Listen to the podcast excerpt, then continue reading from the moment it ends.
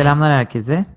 Bu hafta iki yabancı olarak Ruşen'le maaş konusunu konuşalım dedik sizlerle. Çünkü maaş konusunda şu an ne kadar subscriber sayımız az olsa da gelen bir iki sorudan hatta bu soruların hepsi maaş konusunda oldu. Yani maaşlar yurt dışında yetiyor mu? Ne durumdasınız şu an? Para biriktirelim biliyor musunuz gibi sorular geldi. E bize bunun üzerine konuşalım dedik. Selamlar Ruşen. Selam abi.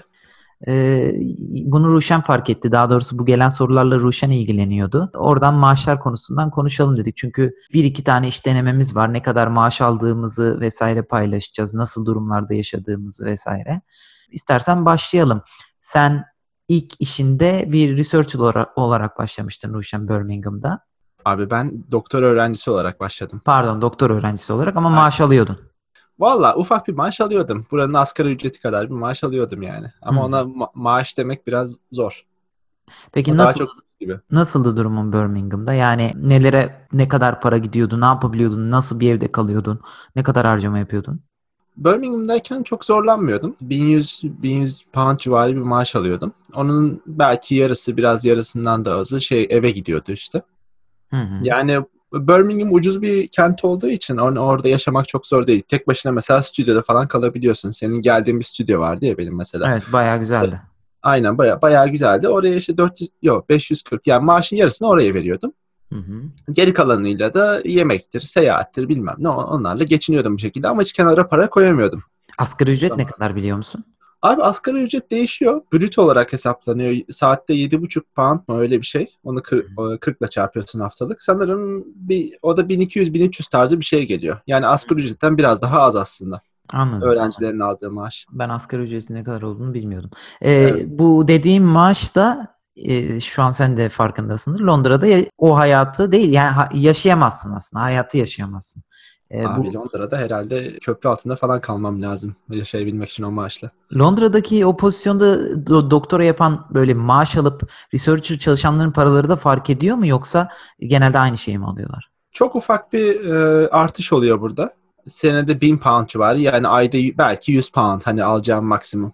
Ama işte onu o- öyle yaşamak için de ya Londra'nın 2 saat dışında yaşayacaksın ya da evini bayağı bir insanla paylaşman lazım. Zaten herkes paylaşıyor burada biliyorsun. Doğru. Gene de ama şehir dışında bayağı bir yaşaman gerekiyor. Londra'da vallahi bilmiyorum. İnsanlar nasıl yaşıyor doktora maaşıyla hiç bilmiyorum. Ya da asgari ücretle yani. Yani maaş Çok zor. denemiyor işte ona sözde. Doktoranı e, bir destekte bulunuyorlar. Yani maaş gibi gördüklerini de sanmıyorum. Belki doktora öğrencileri başka işlerde de çalışıyordur veya aile destekleriyle de yaşıyorlardır Londra'da ama muhakkak bir uzak bir lokasyonda bir evde bir oda paylaşıyorlardır diye. Aynen, Anca aynen öyle 400-500 bire artık bulunamayacak rakamlar bu. Özellikle zone 1-2'de falan hayatta 400-500'e oda çok kötü bir oda falan bulursun sanırsam yani. Ben geçen Zone 1'de vararken e, 400 pound'a bir yer buldum. Bir baktım parking spotmuş abi.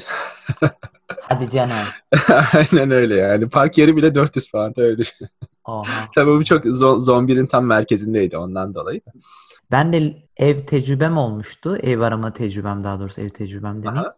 Kendime rakam olarak önceleri 1000 1400 gibi bir aralık belirlemiştim. Sonra biraz o Evet. rakamı 200 pound arttırmıştım. Bermondsey'de bir yeri 1075 pound'a görmüştüm. İşte kendi banyosu var, tuvaleti var. 1075 pound mu dedin? Aynen 1075 pound. Bu arada emlak sitelerinde sen şey üçkağıtçılığını hiç fark ettin mi? Çektikleri fotolarla evi büyük gösterme olayları Londra'da. Bunun bir şey olduğunu biliyorsun değil mi? Trik olduğunu biliyorsun. Tabii canım. Fishhole Ha. kamera falan kullanıyorlar. Photoshop yapıyorlar bir sürü görüntülerde. Ya eve gidiyorsun ben onu ben onu çok fazla bilmiyordum işin açıkçası. Nazlı farkındaydı da ya ne kadar büyütüyor olabilir ki diyordum. Öyle bir yere koyuyorlar kamerayı o fiş kamerayı falan kullanıyorlar ki fiş eye kamera. Öyle bir yere koyuyorlar ki ve öyle bir açı yakalıyorlar ki eve gittiğinde bu değil lan diyorsun ama sonra oradaki objelerden falan aha lan cidden burası diyorsun abi şoka giriyorsun.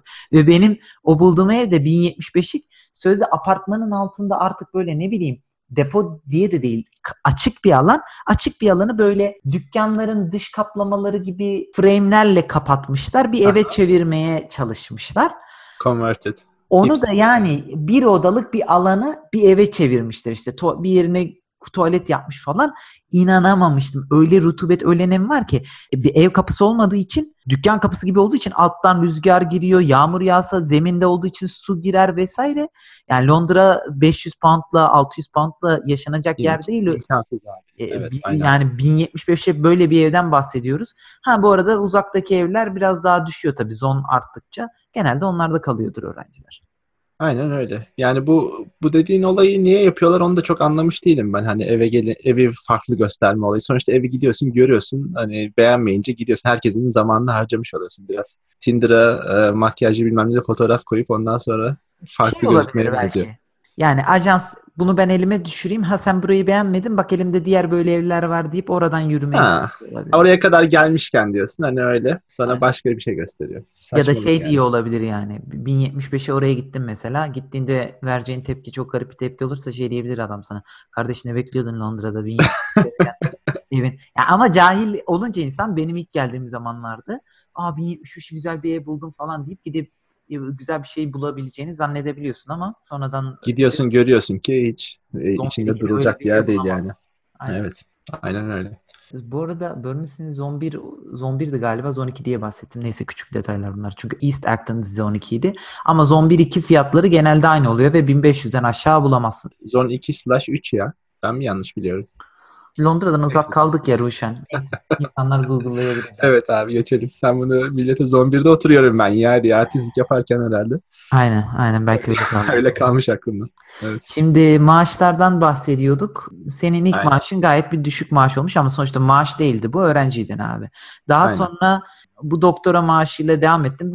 Bir- Birmingham'da da gayet güzel bir evde kalıyordun yani. Londra'daki Aynen. 1500'lük ayarlarda bir evde kalıyordun. 500-600 rakamlar çok farklı Londra'da.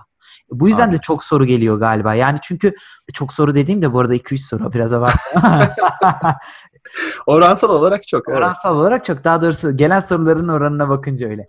Stockholm'le de ilgili gelenler oldu. Yani Stockholm'de Londra'da Avrupa'nın en pahalı şehirlerinden birisi. Yani Amerika'dan düşünürsen New York ve San Francisco çok pahalı olarak bilinen şehirler. Onlar daha da pahalı hatta bu iki Avrupa şehrine göre ama Avrupa'da en pahalı iki şehir Londra ile Stockholm. Bu sebeple e, Birmingham'ı biraz dışarıda tutabiliriz muhabbetin. Londra ile devam edebiliriz o sebeple. Stockholm'de mesela şeyi soracaktım sana. Stockholm'de e, tam free market mi yoksa belli kurallar var mı evleri kiralamak için?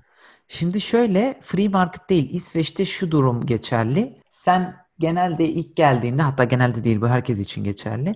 Andra hand diye geçiyor. Doğru mu okuyorum bilmiyorum. Second hand ev kiralamış oluyorsun. Yani evlerin artık bütün evlerin bir sahibi var. Genelde bunlar da mesela bizim evin sahibi Victoria Park diye bir şirket. Bütün burada binlerce evi var ve e, bu neighborhood'u genelde de yaşam alanı oluyor. O yaşam alanının sahibi aslında. Her evin zaten sahibi yok mu abi? Bu her yerde geçerli bir şey değil mi? evin sahibi de var insan olarak ama mesela Victoria Park diye bir yerde kalıyoruz. Önceden de başka bir yine böyle bir agency'de kalıyorduk.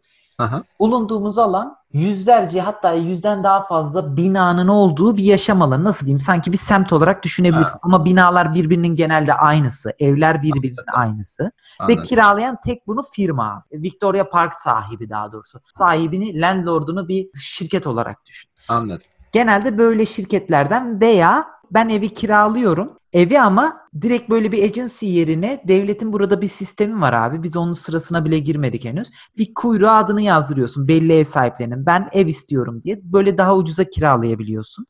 Ee, ben de bu konuya acemiyim ama bildiğim kadarıyla anlatacağım. Ve orada mesela normalde 1000 Stockholm'de 1300-1400 euroya kira verecekken bu şekilde o sırada senin ismine ev çıkarsa 400-500 euro, 300-400 euroya kirada kalabiliyorsun.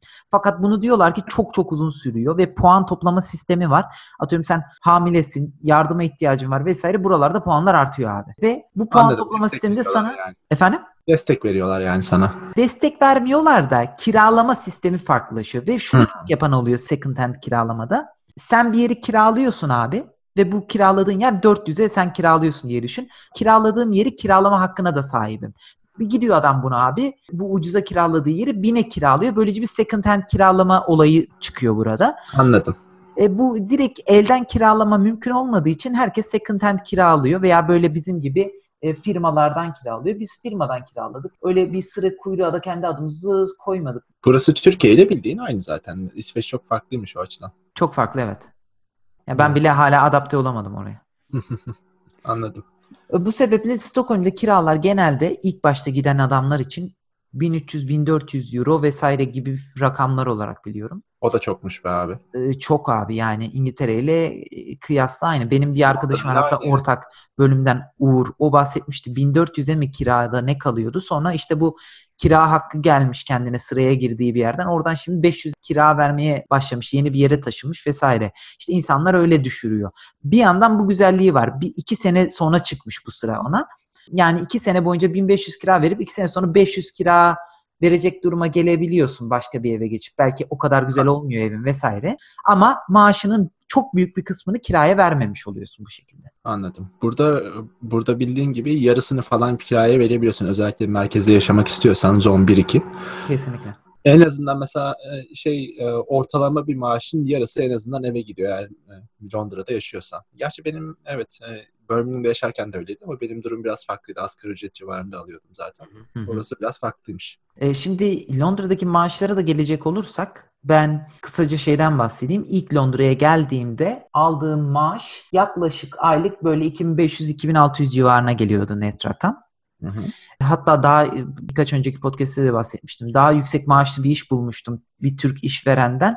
Ama onu reddetmiştim. Bu sebeple daha düşük maaşlı bir yere girmek durumunda kalmışım. Ama bu bahsettiğim maaş başlangıç için ortalama bir maaş aslında. Yani junior engineer'lar için normal rakamlar. Yanlış Aynen. mı düşünüyorum? Öyle olması lazım şu anda. Lord gibi yaşanacak bir maaş değil aslında. Dışı, belki TL'ye çevirince çok gözüküyor da bahsettiğimiz hayat pahalılığından dolayı aslında düşük bir maaş Londra için. Kesinlikle. Ben işte 2500 öyle bir maaş alıyordum ve kiraya ne kadar veriyordum? 1350 kiraya veriyordum abi ve zone 2-3 arasında East Acton'da kalıyordum. Bir artı bir güzel bir evimiz vardı. İçi Evet hatırlıyorum gelmiştim zaten. Aynen fully renovated çok memnunduk evden ama bir artı bir ve 1350 mi 1380 mi verdiğim kira düşün. Maaşımın yarısından fazlasını kiraya veriyorum. Ve Aynen. o zamanlar hayattan beklentilerim farklı olduğu için şu anda da çok farklı değil de yani ben hayatımı güzel yaşayayım, Londra'ya gelmişim, para da biriktirebiliyorsam biriktireyim kafasında olduğum için çok bir problem etmiyordum. Ama düşününce bin, bin pound'dan az bir para kalıyor kirayı verdikten sonra. Bunun çeşitli yarattığı problemler var. E Yani evet yol parasını düşün, e, kirayı düşün, işte faturaları bilmem neyi düşün zaten bin pound'dan az kalıyor e, o elinde. Hiçbir şey değil yani. Ya bir- hiçbir şeysiz binden az kalıyor benim. Sen Tabii tabii. o masrafları katınca Ha, 500'e evet, düşüyor. Doğru. Daha da azalıyor. O masrafları katınca elektrik, internet vesaire 600-700 yani aylık ne kadar diyebilirim? 1400 kiraya verdin. Elektrik, su, internet onlara da bir 200 de. 1600 Council tax var abi. Council tax olayı ben de tabii yıllarca ödemedim. Şimdi ödeyince biraz ağır oluyor yani. Ama işte evde biriyle yaşayınca mesela ev başına council tax veriyorsun ya. Hani biz şu anda evde iki kişi yaşıyoruz kız arkadaşımla işte. O Evet. yüzden ya- yarısını veriyorum. ne kadar Peki. oluyor council tax'ler? Ben Londra'dayken vermediğim için dediğim gibi. Abi bizim evin council tax'i 100 pound civarında ama daha pahalı bölgeler var. Bizimki gene nispeten ucuz bir yerde. Aylık 100 pound. Aylık 100 pound tabii canım. Çok E, tek başına kalınca, tek başına kalınca bu 75'e iniyor. Hiçbir zaman zorlanmadım işin açıkçası ve o zaman bilmiyorum belki o maaşın verdiği şeyle de bayağı bir para biriktirdim. Çünkü hayatımda hiç para biriktiren bir daha yüksek maaş aldığım zamanlar da oldu ama hiç o zaman kadar yüksek e, para biriktirdiğimi hatırlamıyorum. Bu biraz hayatı yaşama tarzımla alakalı bir durum. Bizim hatırlıyorsun burada ODTÜ'deyken aynı anda birkaç projede çalışırken falan bayağı bir para alıyorduk aslında ama o zaman Aynen. ben hiç 3 sene çalıştık böyle abi. Hiç para biriktirmedim mesela ben Ben de abi Aklımda yok. Aklımda yokmuş yani. 3 projede falan çalışıyorduk ve cidden çok iyi maaşlar alıyorduk Türkiye'ye göre. Asistan maaşı, o zamanki doların- maaşı. O zamanki doların 2 TL falan olduğunu düşünürsen cidden iyi maaşlar yani. Nuşen. E, biz Lord gibi yaşayıp poker masalarında harcadık baba.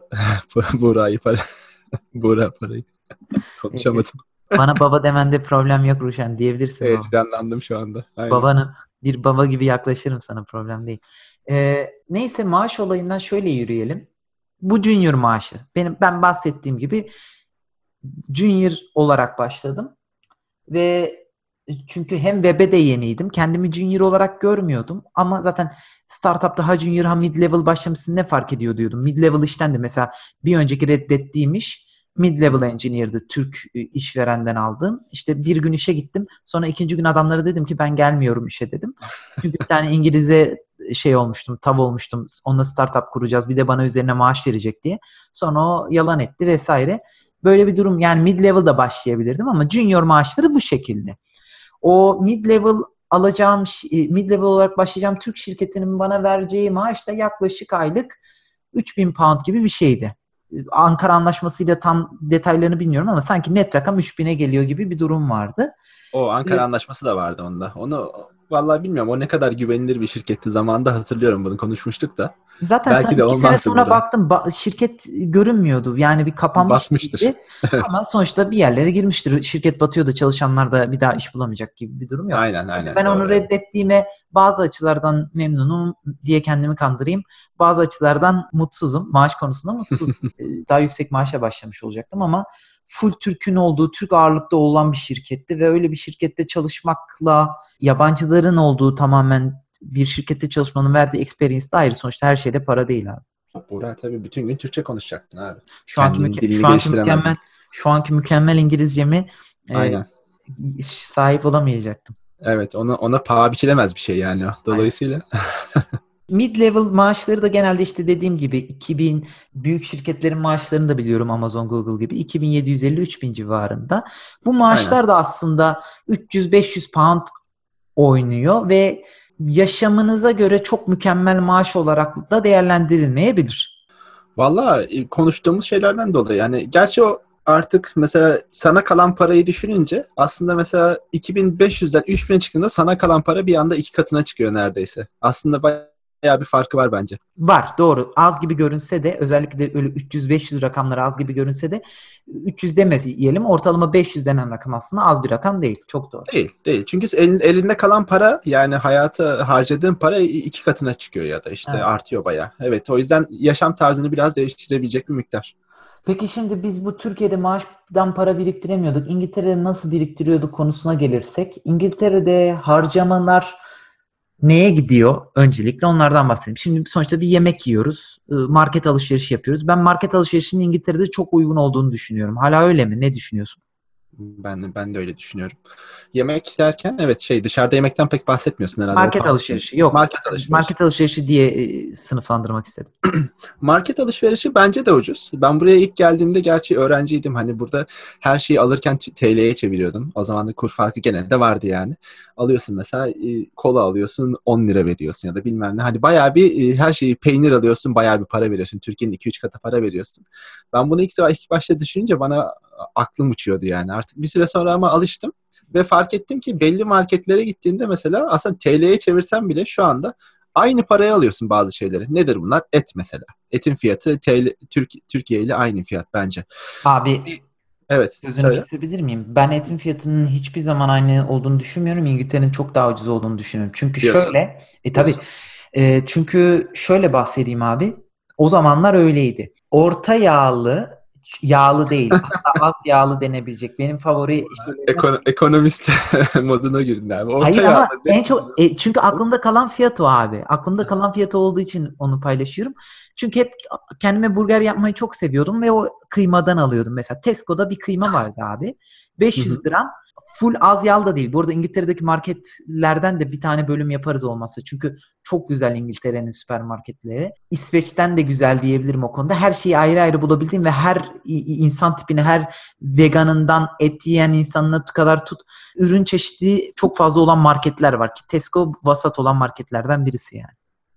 Evet. Yani ortalama bir ortalama market. Ortalama Tesco, Sainsbury's, Morrisons gibi. Evet. Aynen ama market alışverişine de bir vakit ayırırız sonra. Neyse 2 euroya yarım kilo kıyma az yağlı, çok az yağlı da değil, az Hı-hı. yağlı ki bunu Türkiye'de iyi süpermarketler haricinde böyle yağına göre kıyma %5 oranda, %10 oranında falan almak mümkün değil diye biliyorum. Belki şu an çok iyi gross marketler bunu sağlıyor olabilir.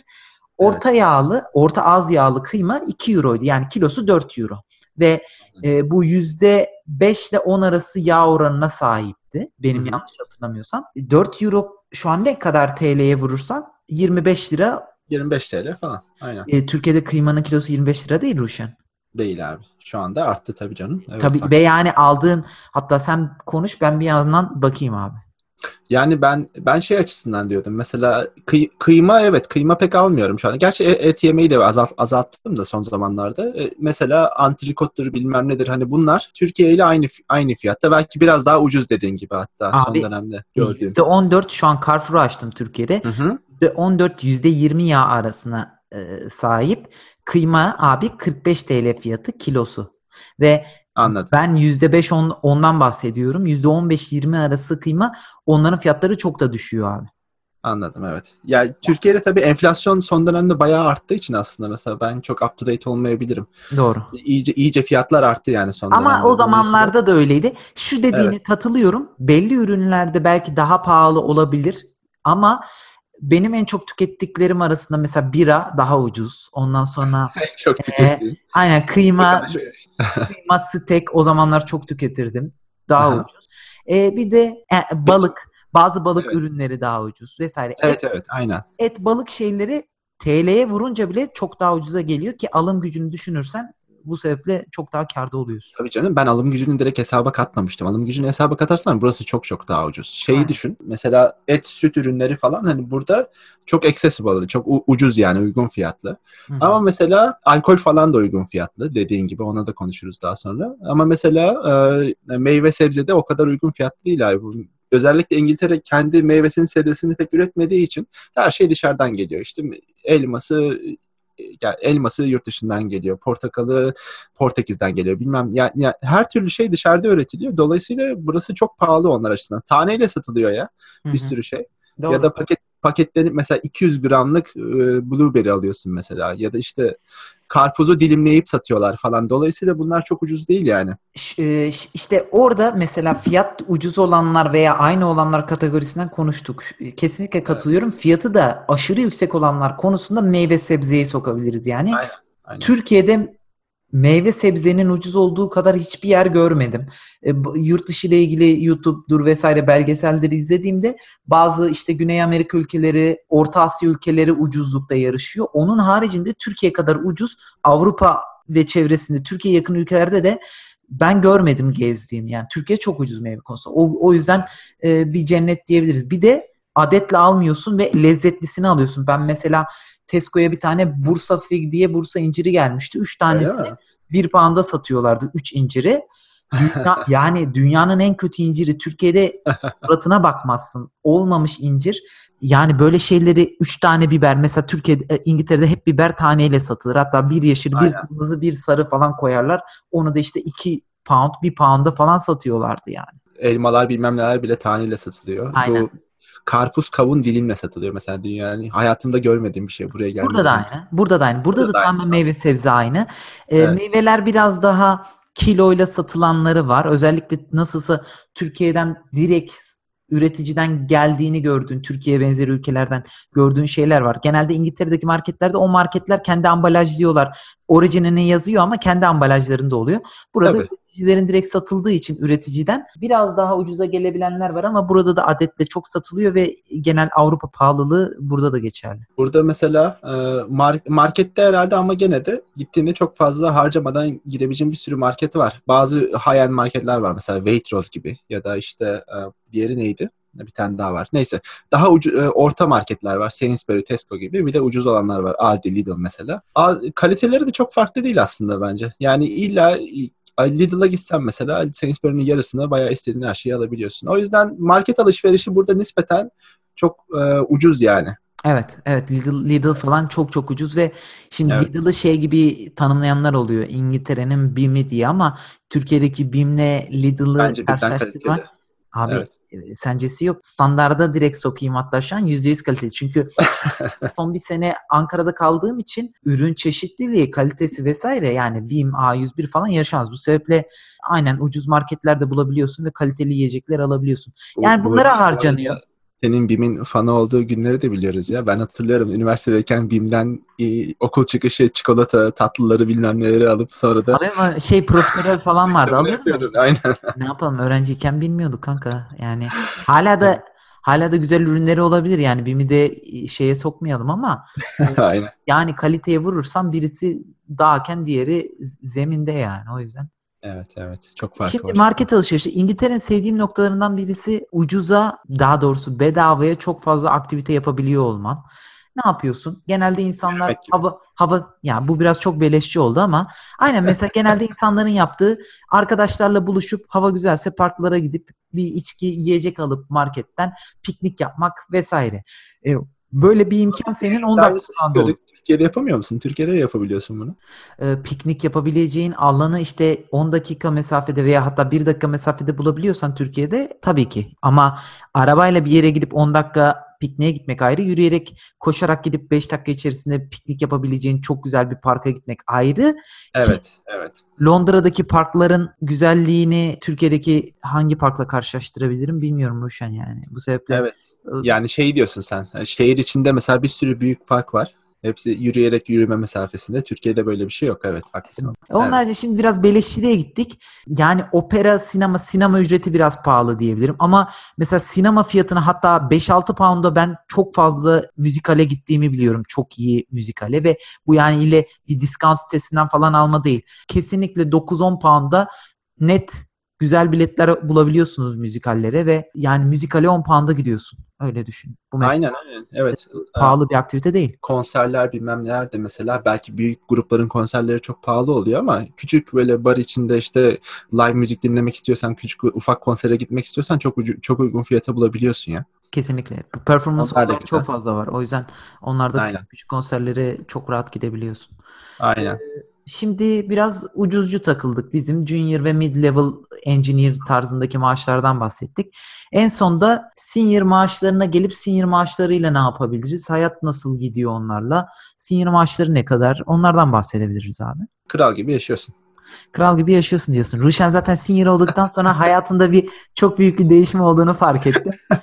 Ee, hiç parayı umursamayan hatta BBM üyeliği almıştı bana. Sağ olsun bir iki kez kullandım. Ben BBM'i fakirlik yapıp iptal etmiştim. Biraz da sinirlenip. BBM bir fantazi tool'u bu arada. NBA fantazi tool'u. Ruşen dedi ki ben aldım abi para bol istediğin gibi kullan dedi. Dedim tamam bu adam senior engineer olmuş diye. Abi elinin kiri ya. Orada e- 50 dolar mıydı neydi BBM'in üyeliği? Çat Aynen. diye almıştım zamanında ama evet artık şu anda iş değiştirme durumum olduğu için artık öyle davranamıyorum.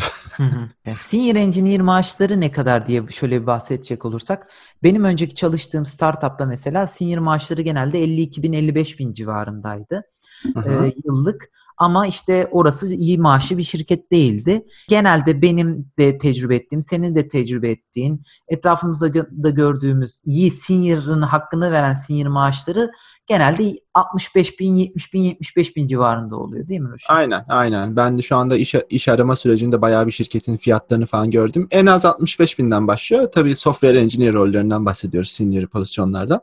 Bu 75'e 80'e kadar çıkıyor. Bayağı iyi maaşlar. dediğimizde ne oluyor? Genelde 5 senelik iş tecrübesine sahip insanları falan senior şeyine sokabiliyorsun. Aynen, aynen. Ben ben doktor olduğum için o, o biraz iş e, tecrübesi olarak sayılıyor. Ama mesela en az bir 4-5 sene olunca herhalde senior pozisyonları bulabiliyorsun. Yani illa 10 yıl 15 yıl çalışmana gerek kalmıyor. Kesinlikle. Bazen bunu rakamsal olarak da belirtmiyorlar. Tecrübene bakıyorlar. Ben benim mesela 5 sene olmamasına rağmen ben işte hem biraz yedirdim onlara. Böyle böyle tecrübelerim var. Hem de e, işte kendimin de o pozisyonu çok rahat yapabileceğimi kanıtladım. Zaten e, hiçbir itirazları da olmamıştı ya senin tecrüben yetersiz vesaire diye. Maaş aralığı bu şekilde oluyor ve bunun yansıması da aylık ortalama 4000 pound gibi bir rakam diyebiliriz. 3000 Evet. 4000 Evet çünkü arası. vergiden dolayı tabii çok fazla artmıyor. Yüzde e, kaç şu anda? Limit 45 bin mi? 45 bin üzerindeki aldığın parayı yüzde 40 mı? Yüzde 45 bine vergi veriyorsun. Evet. Onun tabii bir de national insurance'ı var bilmem nesi var. O paranın yarısı gidiyor yani. Dolayısıyla evet a- az, azal, e, azalıyor yani ondan O sonra oranda kazancın. artmıyor alacağın net maaş. Evet. Evet aynen. Şimdi 4000'e kral gibi yaşıyorsun diyorsun. Şu açılardan da bahsedelim. Şimdi bir kere gelecek olanlar vesaire İngiltere'ye varsa hiçbir zaman şunu beklemesinler. Türkiye'deki ev büyüklüğündeki evlerde kalmanızı beklemeyin. Bu bir kesinlikle. Ha. Yok canım o mümkün değil aynen. Ee, mesela 3 artı 1 falan evler özellikle merkezi 3500 pound falan kiralar görüyorum ben bazen. 3 artı 1, 4 artı 1 falan ama çok güzel evler. Yani 3500 pound kirayı kim veriyor diye soruyordum. Abi 3500 pound zaten verecek paran olsa kendi evini alırsın herhalde yani çok cillop bir ev alırsın o paraya. Ama öyle Aynen. kiralar görüyorsun saçmalık. Yani Türkiye'deki evi çok fazla beklemesin insanlar. Şeyden evet e, alan artık bir, bir süre sonra alıştım ben şimdi de tabii ilk geldiğimde benim burada tuttuğum oda ev yani evin hepsi mutfağı var banyosu var. Benim Ankara'da kaldığım yatak odasından ufaktı ya. Üç, üç oda bir salon e, evde kalıyorduk işte. O Hı. yani oradaki yatak odamdan daha küçüktü komple ev burada. Yani bayağı bir ambale olmuştum ilk geldiğimde. Evet. Ama sonra alışıyorsun. Genelde şu İngiltere'deki evleri mesela senin şu an kaldığın evde bir artı bir değil mi Ruşen? Aynen 1 artı 1 60 metrekare. 60 metrekare. Genelde 60, 70 o civarda oluyor boyutlar. Bir artı birler için. Bir, bir, bu aslında büyük e, 1 artı 1. Genelde 45-50 falan oluyor hatta Hı. burada 1 artı 1 benim, evler. benim, benimki de 55'ti pardon. Doğru. 55-60. Aynen. 50-55-60 o falan olması lazım genelde. Doğru. Evet bu şeylere bakınca 3 üç oda bir salon 4 oda bir salon evlere bakınca da bazı odalar mesela küçük oluyor. He- Her biri böyle e, duble yatak odası gibi olmuyor. Evler evler e, odasının oda numarasından bağımsız olarak küçük yani burada. Ona bir alışmak lazım Kesinlikle. gelince. 1500-1600 de minimum gözden çıkarmak lazım. Ayın. Bir, bir oda bir salon için. için. Evet. Büyük evlerin o ferahlığını unutmak lazım. Şükretmek lazım. Bir artı bir ev buldum. Aynen öyle evet. Ee, mesela manzarası bilmem mesela çok bir şey beklememek lazım. Sokağa bakıyorsun 5 metre ötende başka bina var yani mesela. Genelde öyle oluyor. Doğru. Çok güzel bir manzara falan bulamıyorsun. Doğru. Yani ama senior maaşları gayet de güzel bir hayat yaşatıyor. Gayet para biriktirebiliyorsun ve Evet. Londra gibi bir yer, pahalı bir yerde yaşamana rağmen hiçbir problem çekmiyorsun, hiçbir kısma yapmıyorsun ve eşek gibi de para biriktirebiliyorsun. Bu bahsettiğimiz doğru mesela bu para biriktirme olayı var. Bu bir de bu bahsettiğimiz ev fiyatları falan genelde tek başına evde kalmak istiyorsan. Buraya gelen özellikle tek başına gelen insanlar ne yapıyor? Evi başkalarıyla beraber paylaşıyor. Benim mesela iş yerindeki arkadaşlarımın çoğu evin bir evin bir odasını tutmuş. Aynen hayvan gibi maaş alanlar paylaşıyorlar yani. Tabii tabii onlar bile paylaşıyor. Burada çok normal bir şey. En azından bir ev arkadaşıyla paylaşıyorsun. O zaman ne oluyor? Tabii eve verdiğin 1500 işte e, faturasıyla bilmem ne 1800 geliyor sana 1000 pound'un altına düşüyor. Öyle olunca da tabii istediğin şeyi yapabiliyorsun kalan parayla. Doğru. Ee, bunun nedenlerinden birisi bu arada bence paradan da çok. Bazıları para için yapıyor. Ama para yapma asıl amaç olsa e, zon numarasını büyütüp şehrin dışına gidip şehir dışında yaşamak. Zon 5-6'da falan kalmak. Ki benim en son iş yerimde birkaç kişi vardı. Hı hı. Essex'te yaşıyordu. Essex çok uzak bir yer ve çok ucuz olması lazım kiraların. Yani 1500'e değil de 500-600'e yaşayabildiğin yerleri bulman lazım. Daha doğrusu belki 500-600 düşük kaçabilir. 800-900'e bulabiliyor olman lazım. Ama bir saat yol Essex gidiyordu mesela. Essex buranın pahalı bir yeri değil mi ya? Benim Yok, bildiğim. Essex, Essex Londra'dan bayağı uzakta, Londra merkezinde olmayan bir yer. Uzakta popüler bir yer diye biliyorum. The Only Way is Essex diye dizi yok mu? Hayır, dizi var. Sen biraz cehaletinden şu an bu yorum yaptın. Essex, e, has İngilizlerin yaşadığı, yabancıların hatta çok welcome olmadığı, insanların çok sıcak bakmadığı biraz şehre uzak bir yer. Evet dizisi var ama uzak ve İngilizlerin yaşadığı bir yer öyle söyleyeyim. Ben başvursam almazlar mesela. Tenim koyu olduğundan dolayı. Orası çok white bir neighborhood. Başvurmak derken genelde beli- belediyeye mi başvuruyorsun? Ben anlamadım. Yani yere, var ha. ben Essex'te yaşayabilir miyim diye başvuracaksan öyle bir başvuru yok. Yani mesela sen Londra'ya öyle mi geldin Londra'da? Ben Tabii. buraya başvurmak istiyorum Londra'da. Londra'da sıkıntı yok. Herkes dışarıdan geldiği için sorun olmuyor da Essex biraz farklı. Yok e, aynen. Essex biraz farklı. Kendi vizesini uyguluyor. Ama e, yani dediğim gibi uzakta yaşayanlar vardı. Biraz maddi çözüm için böyle şeylere yanaşıyor insanlar. Ben hiçbir zaman rahatımdan kısmayı böyle sevmediğim için merkezde kalırım, parayı basarım, az para biriktiririm, e, güzel yaşarım mantığında merkezde kaldım. Sen de bir nevi öyle yaptın. Yani Ben zon de öyle. 1'de yaşayanlar, zon 2'de yaşayan insanlar genelde rahatından kısmamak için. Çünkü ötekiler bir saatlik yol gerektiriyor en az. Bir saat 15 dakika falan. Normal trene biniyormuş adam yani. Ben şimdi dedim ki o Evet, baba evet. işe gelmeden bu mu çekilir diyordum. 20 dakikada işe gidiyordum çünkü. Şöyle düşün yani bir yerden mesela özellikle bir yerden ev aldıysan tek başına ya da ailenle beraber e, iş değiştiriyorsun illaki bir sene iki sene sonra. Daha sonra evi değiştiremeyeceğine göre bir sürü insan mesela bir saat en az yol geliyor. Bir saat, bir buçuk saat yol gelebiliyor. Öyle bir sıkıntı var. Doğru. Bir de bir de bu şehir merkezinde kalma olayında mesela benim duyduğum insanlardan bir de tek başına kalmama isteği var. Hani böyle Aynen. başkalarıyla kalayım, biraz sosyalleşmiş olayım evde mesela. Öyle bir kaygı da var benim gördüğüm. Doğru. En, en büyük nedenlerinden birisi o. Çok fazla yalnız insan var. Evli olmayan vesaire. Yaşları Single çok. Single çok bize göre çok fazla. Çünkü Türkiye'de genelde insanlar belli bir yaşa geldiği zaman tamam evlenmen lazım muhabbetiyle e, evleniyorlar birilerini bulup. İngiltere'de single çok fazla. Bizdekiyle kültür aynı değil. Adamlar da yalnız kalmak istemiyor. Çok basit bir şekilde ama ben mesela yapamazdım işin açıkçası. Hele ki belli bir yaşa gelmişim. Biriyle yaşamak falan bana e, benim rahatımı, düzenimi bozar. Temizlik vesaire konulardan hassaslaşırım. Gürültüden hassaslaşırım diye çok yanaşmayacağım bir konu olurdu ama İngiltere'de bu çok yaygın dediğin gibi. Evet. Zamanında bu arada bilmeyenler için de Buğra ile beraber aynı odada kalmıştık bayağı bir. Zamanda dediğin yurttan bahsediyorsun. Aynen, Yıllar yıllar önce. Ne kadar ne kadar kaldık biz orada? Biz mi? 3 sene mi? 3 İki sene kaldık. sene mi? 3 Aynen. Bayağı bir kaldık. kaldık. İşte orada mesela temizlik gibi konular vesaire Tabii. can yakıyordu öğrenciyken bile Ruşen.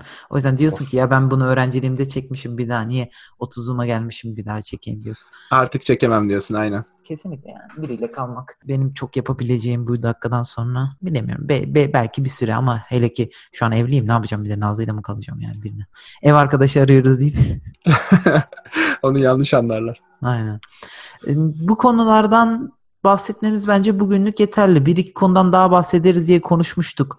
Uçak biletleri vesaire diye ama istersen onları bir sonraki konuya bırakabiliriz Ruşen. Yani Aynen. Çünkü Çok başka başlıklardan da bahsedeceğiz. Para konusundan, e, bizim kendi entrepreneurship maceralarımızdan falan. Evet. O evet. konuların muhakkak biriyle bağlanır bunlar. Süpermarketten İlla ki bahsederiz daha vesaire. sonra. Aynen. Evet doğru. İlla ki bahsederiz zaten. Güncel. Tesco fiyatlarını paylaşacağız. Ağzına sağlık Ruşen. Senin de ağzına sağlık. Görüşmek Tamam. üzere Bora. Görüşmek üzere.